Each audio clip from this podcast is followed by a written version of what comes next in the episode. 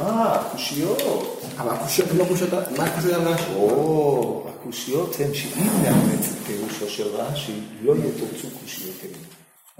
אני אני יכול לדעת את קושיותינו לפי פירוש רש"י. הקושייה הראשונה היא, זה שלמה צריך להגיד את ה... מה, השאלה אם אנחנו רואים את התשובה, הכל, נכון? אני בניסוח אה, קצת, אבל... כן, השאלה מצמצמת תתרץ, תתרץ. מצמצמת את התשובה. אז, אז הנחת יסוד היא שאדם שמעריך בתפילה, זה מה ש... אז כשרבי חייא קרא את השאלה, את אה, שאלת דברים מעריכים לרב של אדם, אז שמעריכים בתפילה, כשהוא חייב שמעריכים בתפילה, הוא חייב שהם כאילו מנסים לעבוד על הקדוש ברוך הוא. כאילו שב- שבהערכה מוכנס העיון. וזה בדיוק מה שהמהר"ל אומר, שזה מה שזה דרכו של זה. שזה, אתה יכול אותו תירוץ רש"י, שאדם שמעריך דרכו לעיין בתפילה. אותו באותו דרך שהמהר"ל הסביר. ואז אמר רבי חייא, אז הוא אומר, מביא את הרבה... זה טוב, זה יפה, זה טוב, אלא מה? שכתוב המעריך בתפילתו מעריכים לו ימיו ושנותיו, נכון? אחרי זה כתוב המעריך בתפילתו מעיין בה, מתי הוא מעיין? לפי רש"י, מתי הוא מעיין? אחרי התפילה. האמת, אתה יכול גם- גם תוך כדי התפילה הוא... כן. הוא- תוך כדי התפילה, הוא מתפלל אבל אי אפשר- בכוונה שאם הוא יעשה את זה ארוך, אז כמה שהוא עושה את זה יותר, הוא מקבל יותר נקודות. כן, זה כמו לא. שרש"י פירש, תסתכל אה, ברש"י. מעיין אומר בליבו שיעשה לפי שהתפלל בכוונה. איפה הוא אומר היום? אחרי או באמצע? אחרי כל מי שהתפלל בכוונה מעיין, אחרי התפילה, ואומר, אה, שיעשה בקשתי, זה מתחייב בכלל? התפלל בכוונה, גמר את התפילה, הלך. למה אפשר להגיד שכל מי שמתפלל במשך שעתיים וחצי, בטוח שאחרי התפילה הוא הגבר של העולם. או לפחות באבא אמינא זה בטוח. אבל אמינא. אבל זאת לא הנקודה. זה בדיוק לפי. רש"י, לא, לא, לא. לפי שיטתו של רש"י, יש פה שני דברים. אדם הלך, אדם חייב להתפלל בכוונה. הרי כתוב שהכוונה היא מהדברים המעכבים בתפילה. אם אתה לא מכוון בתפילתך, אז אתה צריך לחזור לפי דין התלמוד, כן, לא למעשה, אבל לפי דין התלמוד אתה חייב לחזור ולהתפלל בכוונה. נכון? זה מעכב. יפה, אז אדם עמד בחובתו כדי להתפלל בכוונה, אז אדם מתפלל בנחת, העריך. יתרה מזאת, כדי להתפלל בכוונה, לפי הנחתו של רש"י, הוא גם הרבה בקשות.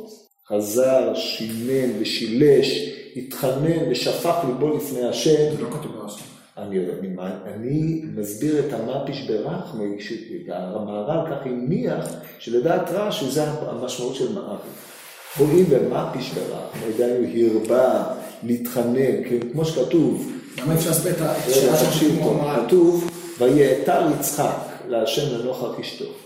מה זה ויעתר? לשון עתר, כתוב במדרש, עתר, רש"י מפרש לשון פורקה, פורקה זה כלשון, כדבר המהפך את התבואה, ומסביר רש"י שהוא מתפצר בתפילתו, חזר והתחנן מפה והתחנן מפה והרבה ברחמים, כן? זה העניין. אחרי מאמץ איתנים זה, הוא הלך, וזהו. יש אדם שהלך, אמר תודה רבה, ריבונו של עולם, והלך. יש אדם שעצר, אמר, עכשיו, חכה. זה בדיוק הנקודה. באבא אמינה כל האנשים הם מרגישים אחרי התפילה שהם התפללו שעתיים וחצי, שהם כבר יהיו רצח. אחרי שמרגישים כבר יהיו רצח, אז באבא אמינה, אז מה, ההבדל בין כל אדם שמעריך? ואז זה תירוץ, לא באבא אמינה, הרי זה קיים בעולם, שיש אנשים שמעריכים בתפילה, ומרבים בחמימים, מרבים בקשות, והם לא חושבים את זה לאיזה פעולה על השם. זה לא שהוא מרבה, יש הבדל בין להרבות בקשות לבין מפיש רחמה. יש הבדל בין בקשות לבין מפיש רחמה. מפיש רחמה, שזה מלשון של רחמים הוא עושה את זה. לא מלהגיד את המילים, ולהרגיש שהוא אדם, אדם, אדם, אדם שמצליח. מפיש רחמה זה, רחמה זה תפילה. כן, אבל במובן של רחמים, זה חשוב. טוב, לא, אני אומר, אני באמת, אני לא, אין הבדל, לא, אני לא רואה הבדל, לא, למה בכלל לא רצית להשאיר פה? אה, אז אני לא זוכר עוד משהו. אה, אין בעיה שאמר רצה להגיד עוד משהו, אבל... בסדר, נו. מי- מי לא- מי עוד לא הבין את זה? אני חושב גם שהוא הגיוני. מה? אני גם חושב שהוא הגיוני. אתה גם חושב שהוא הגיוני? אני פחות מסכים. מה? פחות מסכים. אין, מסכים או לא מסכים, אין פחות, לא מסכים, גם אני לא. יש מישהו עוד שמסכים, שאתה מתווכח פה, אתה מסכים איתו? איתה לא, אבל משהו אחר שאני מסכים. אז זה משהו אחר, אז תכף אתה, אבל קודם כל, לא מסכים איתו, כן? אז נסגור את זה בקצרה. נסגור את זה בקצרה. תראו, רש"י צריך לתרץ אותו, כן? אולי אתה הסנגורו של רש"י בעניין הזה, אבל... זה לא שאלה שזה הפשט, אני לא מבין מה הבעיה. כן, זה, אתה לא הבעלים על הדבר הזה, לא מערב ולא רש"י. כן, זה לפי דעתך נראה הפשט כרש"י. זה יכול להיות, אבל זה לא טענה שהיא נוגעת לגופם של דברים, זה נראה מבחוץ. כן, לא בגלל שאתה תחזור ותגיד, זה הפשט, זה יהיה פשט, כן? אנחנו צריכים טענות לגופו של עניין. הבעיה המרכזית לגופו של עניין היא שהגמרא כנראה הבחינה בין הערכה להערכה ועיון המתלווה אליה בסוף. זאת אומרת, קל מאוד לחשוב על אפשרות להעריך בלי לעיין אחר כך, וקל לחשוב על האפשרות להעריך עם לעיין אחר כך. אבל דבר אחד לא מתחייב, לא מתחייב שכל המעריך מעיין, וגם לא מתחייב שכל המעריך לא מעיין, אלא יש מעריך שמעיין ויש מעריך שלא מעיין. אשר על כן, הואיל ולרע שהעיון הוא אחר התפילה, פעולה המתלווה אליה, כן או לא, היא איננה הכרחית, שזה דבר שמוסכם על כל העולם. לכן הקושייה של המהר"ל על רש"י היא קושייה חמורה ביותר.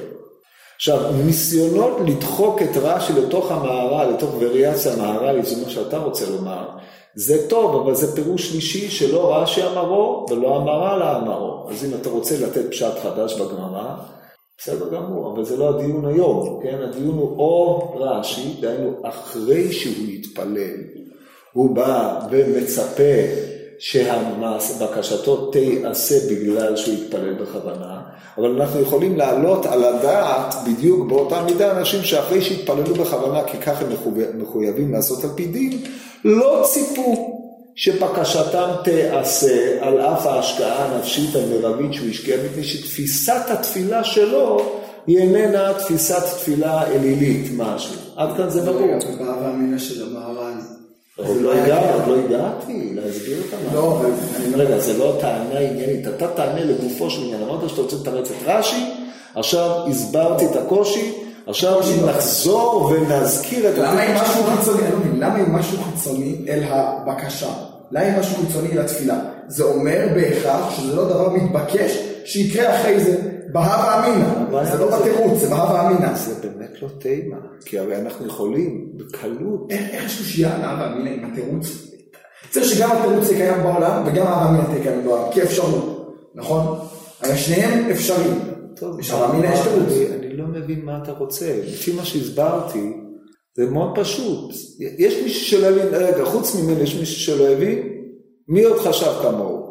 לא צריך להתבייש. מי עוד, מי עוד חושב כמוהו? ננסח את זה ככה. אין, אז תראה מה נעשה. אתה מדבר איתי אחר כך. אפשר אפשר לתת למהר"ל, אפשר להבין את זה. אני לא חושב שיש להם רעי, שהם הבינו את מה שזה, לא, לא, לא, לא מאמין להם. אני לא מאמין להם, פשוט כולם מתביישים. אני לא מאמין להם. לא, אני לא מאמין להם, תגידו לי מה אתם חושבים שלא טוב בטענה שלי, אני לא יודע. אנחנו מסכימים לך, פשוט. לא? לא, אני מסכים איתך כי אתה אמרת את זה, זה לא כי הם באמת הבינו. לא, אתה גם, אתה, אתה גם באמת עושה כאילו, כאילו, לא מוכרח שאומר שזה עיון דווקא אחרי התפילה, לכן זה דווקא יכול אבל להיות. זה כתוב ברש"י, מה אתה רוצה? אתם קראתם כאילו? ברש"י. ברור שזה כתוב ברש"י, אבל הרש"י, אבל אני אומר שזה לא חייב להיות משהו, זה שזה אחרי התפילה קורה, זה לא אומר שזה לא מוכרח, כמו בדיוק שלא מוכרח, שמה מה שאמר, אנחנו עוד לא הגענו למהר"ל. מי אמר? זה לא אומר שזה לא מוכרח שיקרה שכל אדם שמעריך בתפילה, כל אדם? כל אדם שמעריך, ולא סתם בכוונה, אפשר להתפלל בכוונה בלי להעריך, וכל אדם שמעריך בתפילה, מן הסתם, שהסיבה שהוא מעריך, זה כי הוא חושב שיש לו איזה דרך להוציא את זה מהגן. כתוב על רבי עקיבא שהיה מעריך בתפילתו. זה התירוץ כבר. לא התירוץ, אבל זה כתוב לפני הקושייה, אז רבי עקיבא היה לפני זמנו של רבי חייא בר אבא ולפני כל השחר בית"ר הסתמאי הזה. ולכן אין, מה זה הווה אמינא? הווה אמינא לא, זה לא מקלט הבורות שאתה זורק אליו כל דבר שאתה רוצה. הווה אמינא צריכה להיות מיוסדת על איזושהי הנחת דימוי מילתא בין שני הדברים הללו, וזה קשה, זה, זה קל להגיד. אתה רוצה לתרץ את הרש"י, זה שאיפה יפה מאוד, אבל לפי שעה אני באופן אישי לא הבנתי איך תורצה קושיית המהר"ל על רש"י. עכשיו, אתה יכול לבוא ולומר לי, דע לך שגם אני לא מבין איך קושיית המהר"ל תורצה על ידי המהר"ל גופה. זה בסדר, זו טענה, זו טענה מסוג אחר, מהסוג הטענות, כן? לא בגלל שראובן הקשה לשמעון קושייה, שמעון תרץ לו קלוץ, ואחרי זה בא ראובן ואמר, אני אגיד לך תירוץ אחר, אמר שמעון, גם התירוץ שלך לא טוב, ולכן התירוץ שלי טוב, זה אין שום קשר, כן? דברים ברורים. אז בואו נתקדם קצת. כן. הבנתי איפה הכאב לב אצל שיטת מערב. אה, זה לא בשם. עוד לא הגענו לשיטה, עוד לא הסברתי את שיטת המהר"ל, אני את שיטת המהר"ל גופה לא הבנתי. אז אתה בא שואל אותי על כאב לב, כאב לב תראה בהמשך, בהמשך הוא מסביר את זה. טוב, אז אנחנו עכשיו נכונים לשיטת המהר"ל, אתה רוצה לשאול משהו? כן, אני- אבל כנראה שאני מסביר את זה בהמשך. בסדר. עכשיו, אומר המהר"ל, לפיכך נראה פשוט כי המעריך בתפילה היינו שאומר המילה בהמשכה ובעיכוב יתירה. מתוך כך הוא מעיין בתפילה. כן, המפתח הוא במילים ומתוך כך הוא מעיין בתפילה, זה עונה על השאלה שאתה שאלת קודם, כן? זאת אומרת, בשעה שהאדם מעריך במשיכת המילות או בהפרש, ברווח בין מילה למילה, להתבונן, כביכול הוא לומד תורה, הרי כתוב שלמה יש הפסקות כדי ליתן רווח בין פרשה לפרשה כדי שיעיין בה, כל זה מופיע בתורת כהנים בתחילתו, אבל זה בלימוד התורה, ובשעה שאתה מתפלל, ההתפללות היא דרך שיחה ודיבור, אתה לא קוטע כל מילה ומילה העומדת לעצמה איפה יש הפסקות? ב- בתפילה של אותו המ- המעריך ומעיין, כן, מתפלל אה, באופן הזה. כנראה המהר"ל ראה תופעות כאלה ולא יכול היה לסבול את זה. והיינו גם כן שהוא שוהה ומושך במילות. ופה הטענה הוא שהוא חוזר עליה עוד פעם, ואי אפשר שלא יהיה מעיין בתפילה. זה מה שהוא היה צריך. עכשיו הדבר הזה הוא הגיוני, אלא אם כן אדם נרדם בין מילה למילה, אבל אם לא, אלא אדם נמצא במצב תודעתי ער, והוא יודע בדיוק בפני מי הוא עומד, אלא סדר הדברים נעשה באופן הזה והזה, אז אי אפשר שהוא לא יהיה מעיין, מפני שאחרת אין שום תכלית, והתוחלת בהמשכת המילות. עכשיו הקושייה לפי זה היא קושייה מובנת להפליא. אומרת הגמרא, הרי יש, בעיה אחרת עם המהר"ל, אבל לפי זה תורצו קושיותיו של המהר"ל היטב, והשתא מפרש, אה, זה מה שהוא מפרחח מקשה למימוד מעליותי, כלומר, כשאני אומר המעריך, שלושה מעריכים אה, ימיהם, המעריך בתפילתו, המעריך בשולחנו והמעריך בבית הכיסא, אז כתב שהמעריך בשולחנו הוא יושב על אותה סעודה זמן ממושך. המעריך בתפילתו, או הוא הדין המעריך בבית הכיסא שלא צריך לפרש, המעריך על שולחנו, הוא, המעריך בתפילתו, הוא על אותה פסקת תפילה, לוקח לו, במקום אה, מה שלוקח לאדם רגיל להגיד אותה, נניח אין דקות, לוקח לו אין בחזקת אין דקות, כן? ברור, אז זה הרי מקביל ממש למעריך על שולחנו. אז על זה אומר, השאלה של הגמרא היא שאלה מצוינה מאוד, כי המעריך, הנחת המוצא שהוא מעריך על אותו קטע באמירתו באריכות. איך אפשר להגיד אותו באריכות אם אתה אומר אותו פעם אחת? רק על ידי אותן הפסקות, וכיוון שאי אפשר, וזאת הנקודה המבחינה בין תירוצו של רש"י, ביאורו של רש"י, ביאורו של המהר"ל, ותבינו מה שהתכוונתי, לכן מה שאמרת הוא לא אה, הולם פה. זה המעריך ומעיין בה? זה לא. ולכן, תכף אני אסביר את זה. ולכן הקושייה היא קושייה מצוינת, מתרצת הגמור אלא קשיא. הדמעריך ומעיין בה, הדמעריך ולא מעיין בה. אבל כיוון שאי אפשר להעריך ולעיין, אז חייבים לדבר על שני אופני עריכות. המעריך ומעיין זה מי שמעריך במשיכת המילות או בנתינת רווח בין מילה למילה, והוא המעריך שאי אפשר שלא יעיין.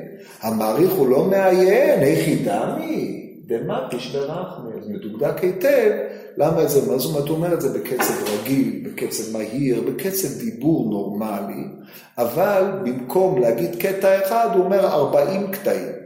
חוזר, שונה ומשלש, הוא מתחנן מפה, הוא מתחנן משם, כדי שאדם מתחנן, כדי לפייס דעה כלשהי. ובזה הוא מוציא את כל מה שעל ליבו, זה נקרא מפיש ורחמי, כן? להוסיף עוד בקשות? כן. מלא, כן, בקשות מכאן ועד הודעה חדשה. אומר כל ליקוטי תפילות של המוענט בסוף התפילת עמידה שלו, כן, מגיע לבעיה, מתפלל על החולה, יש רשימת קופת חולים, כל רופא, מתפלל על כל החולים שלו.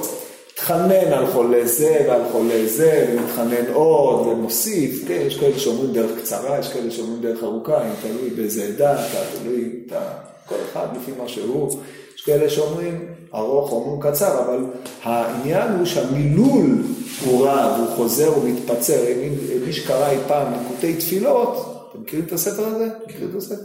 אז טוב, תכירו אותו, זה ספר חשוב, כדאי להכיר אותו, כי לומדים ממנו את סגנון הבקשה. ושם אתם רואים איזה, איך יש פה חזרות מכוונות לכל מיני התורות של רבי נחמן, אבל על כל פנים יש בזה שם, אתה למד איך אדם מתחנן על עצמו, איך אדם מבקש על עצמו וכן הלאה, על זה הדרך. טוב.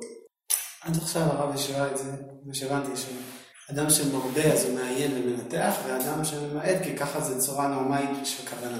אבל מול הקדוש ברוך הוא זה, שונה, כאשר אני מדבר עם מישהו, אני לא צריך כוונת לב במה שאני אומר, אני לא צריך לחוש משהו. מדבר עם הקדוש ברוך הוא, אני כן צריך באמת כוונת הלב, שזה דברים ש... מה שאתה שואל, אתה שואל מה ההיגיון, מה הראיותה. כן, כשאני מכוון יותר טוב. יפה, יפה, אז בואו, אנחנו נראה בהמשך. איך המהר"ל מסביר את זה, או למען הדיוק, איך ההסבר של המהר"ל צריך ביאור, כן? המהר"ל מתייחס לבעיה הזאת. אבל מה הוא אומר? זה סתום. אז בואו נתקדם קצת. אבל בינתיים, עד כאן נתבהרה הגמרא יפה. את זה, ברגע שקלה וטריה טוב. הלאה, אומר המהר"ל, ובפרק אינו עמדים, לא כאמר יחידה מדמה פיש ברחמים שמדעתם כאמר אין תפילתו חוזרת ריקם. דמסתומי הוא, דמשום דמפיש ברחמים אין תפילתו חוזרת ריקם ולא הוא צריך לפרש, והרי הדבר הזה ממשה רבינו נלמד, משה רבינו ארבעים יום התפלל. אומר, אומר המהר"ל, ועיון תפילה דקאמר שמזכיר עוונותיו של אדם היינו נמי בהיגמנה שמעיין בתפילתו על המילות שהוא מוציא. עכשיו המהר"ל לשיטתו מוכרח לומר את זה, כי אם יפרש פה מהר"ל עיון תפילה כמו שרש"י פירש, אז מה, איך זה מצטרף לקושייה? זה לא נוגע לקושייה כל עיקר. לכן הוכרח המהר"ל להגיד שעיון תפילה זה מי שמעיין, בקיצור לומד ביאורי תפילה באמצע התפילה.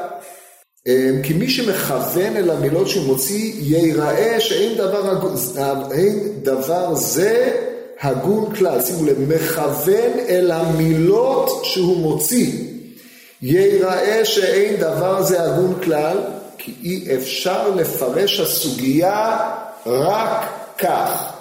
זאת אומרת, הקביעה הזאת של המעיין בכל מילה שהוא אומר ומברר את פירושה וביאורה, מה הגזרון, מה המהות, מה העניין, מסיבה עלומה לפי שעה, אני אומר את זה בכוונה כדי שלא תטעה, המהר"ל אומר זה לא דבר ראוי, ואז מוסיף המהר"ל, ככה מוכרח פשט הגמור. עכשיו יש לך טענות על דור של מהר"ל חוץ מטענות של מה הטעם. אה, אבל כרגע לומדים את זה לומדים זה דחוק, טוב. חוץ מזה, כאילו, כאילו הוא אומר, הוא אומר, אה, לא, לא כתוב, כי אין תפילתו חוזרת ריקה. מי אמר שזה כתוב שאין תפילתו חוזרת ריקה, זה ברור כאילו איך ברחמים. זה הנחה שהיא לא מוכרחת, אבל זה בסדר. טוב, הלאה. זה הקושייה. אומר המהר"ל, עכשיו השאלה למה? למה? כי כמו שאלתם בצדק לכאורה, גם צריך להבין מה הוא אומר. ועכשיו אומר הרב, והטעם, ופה הדברים סתומים משהו. הטעם, כי התפילה היא תוחלת. מי ששאל על כאב לב, אתה, עכשיו הוא מדבר על זה. כתוב תוחלת ממושכה, מחלה לב. עכשיו הוא אומר ככה, כי התפילה היא תוחלת, שהוא מקווה ומייחל אל מה שמבקש. זה הגדרה. תוחלת. עכשיו יכול להיות שמה שהוא מבקש לא ייענה כפי שהוא חושב שצריך להיענות. הוא ייענה, אבל לא תמיד, כמו שהסברנו בפעמים הקודמות, שאדם צריך לשים עצמו כבשר, בלי צורה, הוא רק צריך להעמיד את הבקשה, אבל הוא לא יודע איך הקדוש ברוך הוא יגלגל את העניינים כדי שהוא ייענה. לכן התפילה בהגדרה היא תוחלת, כי כל בקשה היא מניחה תוחלת. מה זה תוחלת? ייחול. אתה יודע מה זה לייחל? כן. התפילה היא תוחלת שהוא מקווה ומייחל אל מה שמבקש. אז עד כאן הגדרה. עכשיו, והתוחלת שהוא ממושך, מחלת לב. עכשיו, מה שהוא אומר, הוא מפרש תוחלת ממושכה, מחלה לב, זה דבר כזה. אם התוחלת שלך נעשית באופן שהוא ממושך, אז זה מחלה לב. פירוש מעניין ביותר לפסוק. על פניו היינו אומרים תוחלת ממושכה, זה מי שמייחל לאורך זמן, זאת אומרת משך זמן התוחלת שלו הוא ארוך, או מי שלחילופין מתפלל באריכות, בחוזר, שומר ומשלש בקשותיו, אומר המהר"ל לא, תוחלת ממושכה זה מי שמושך את התוחלת עצמה. וכאילו אמר תפילה ממושכת, אבל ממושכת לא במובן של ריבוי, מפני שהרי כל בקשה עומדת לעצמה, אז אין בה, אין בה אריכות, אלא האריכות היא ריבוי הבקשות, אבל אם הבקשה כשהיא לעצמה היא ממושכת, ואיך היא משכחת לה, כגון שהוא מעריך במילות, זה נקרא תוחלת ממושכה, וכך הוא מפרש, זה מחלה לב. עכשיו, למה? אתם מחפשים הסבר פסיכולוגי בלילה, אז זה לא ניתן פה, אלא ההסבר הוא אחר. כי הלב שם החיים, שמייסים את האדם בפועל, והתוחלת היא התקווה שאינו בפועל. על זה אמר, כי תוחלת ממושכה היא מחלה לב, והתפילה היא החיות של אדם, ותוחלת ממושכה היא הפך זה שהיא מחלת לב, ואין ראוי והגון להעריך על ידי עיון להמשיך הלשון או להפסיק בין מילה למילה משום כוונה, שדבר זה לא רצו חכמים כלל. רק היכא דמפיש ברחמים, שדבר זה בוודאי הגון וטוב. אז כשאתם באים לחפש את הנימוק הפסיכולוגי משהו, הוא לא קיים פה. מערכת הנימוק של המהר"ל, בשורה התחתונה חכמים אמרו שככה לא ראוי להתפלל. נקודה. למה? ואז הוא נותן ביאור אחר, זווית ראייה אחרת לחלוטין, שקשה לעמוד על עניינה, אבל בגדול מה הוא טוען? הוא אומר ככה, הלב הוא החיים, הוא הבפועל. עכשיו, משום הלב, לב הרי הוא ביטוי למחשבה, ביטוי לרצון, ביטוי לשורש החיים של האדם, זה הלב. התפילה, כל עניינה הוא להעמיד את החיים. תפילה נקראת חיי שעה. הלב בהקשר הזה הוא מרמז על אותם חיים, שהוא, חיים בפועל של אותה שעה, והתפילה היא על חיי שעה, ולכן התפילה קשורה אל הלב. ולכן טוען המהר"ל שהתפילה הוא החיות של אדם. זאת אומרת, אדם המתפלל, אף על פי שהתוכן של התפילה, התוכן שלה הוא בקשת העתיד, אבל ההתפללות עצמה היא החיות של האדם. מבחינה הזאת התוכן של התפילה, או, או לא התוכן, המעמד של התפילה מחובר אל החיים עצמם. בניסוח אחר, האדם המתפלל הוא אדם שחי, התפילה היא גופה חיותו. באשר הוא מעמיד את עצמו לפני השם יתברך ושופך את ליבו, זה עצמו חוויית חיים, כן? בניסוח אה, קרטיזיאני הייתי אומר, אני מתפלל משמע אני קיים. אני צריך תכף ללכת, כן? זה אות הפתיחה, כן, קורא קיצור, אז זה המשמעות של, של התפילה שהיא החיות, העמדת האדם כחי. עכשיו בא המהר"ל ואומר, אם כשאתה מעמיד את עצמך, או התפילה שהיא החיות שלך, היא נמשכת, אז היא מבטאת חיות מגומגמת, היא לא החיות הרציפה הרגילה שלך. תחשבו על זה, שהצורך להלביש את ההרגש שלך במילים, בעצם קיטוע של רצף. המחשבה או ההרגש, שהוא החיים, הוא דבר שהוא בזרימה, כן? כמו התפיסה הצרפתית, משהו של ברקסון. הרצף של החיים, המילים מלבישים את החיים באיזשהו קיטוע. כל מילה מעמידה את זה לעצמה. אבל מפני שבאופן הזה אתה יכול להנכיח את עצמך או להנכיח את החיים שלך בפני הבורא יתברך. אבל ברגע שכל מילה עומדת לעצמה, אתה מקטע את החיים. אתה מקטע את אותו ביטוי של החיות שלך. אין הדבר הזה חסרון הכוונה, יותר כוונה, פחות כוונה, אלא זה הנכחת העצמי לפני הבורא יתברך. זה לכל היותר מה שאני יכול להסביר בדברי המהר"ל האלו, הסתומים משהו, והדבר הזה אין לו מיעוט בכוונה בכלל. מי שאמרתי מראש, תחשוב על מה שאתה הולך לפני, להגיד, לפני שאתה הולך להגיד. אבל זה הצורה שבה אתה מביע את עצמך, היא צריכה להיות משקפת את הבפועל שלך. לא... אז עכשיו לפני המילה, לא תוך כדי המילה. תחשוב מה היה, מה הבעיה?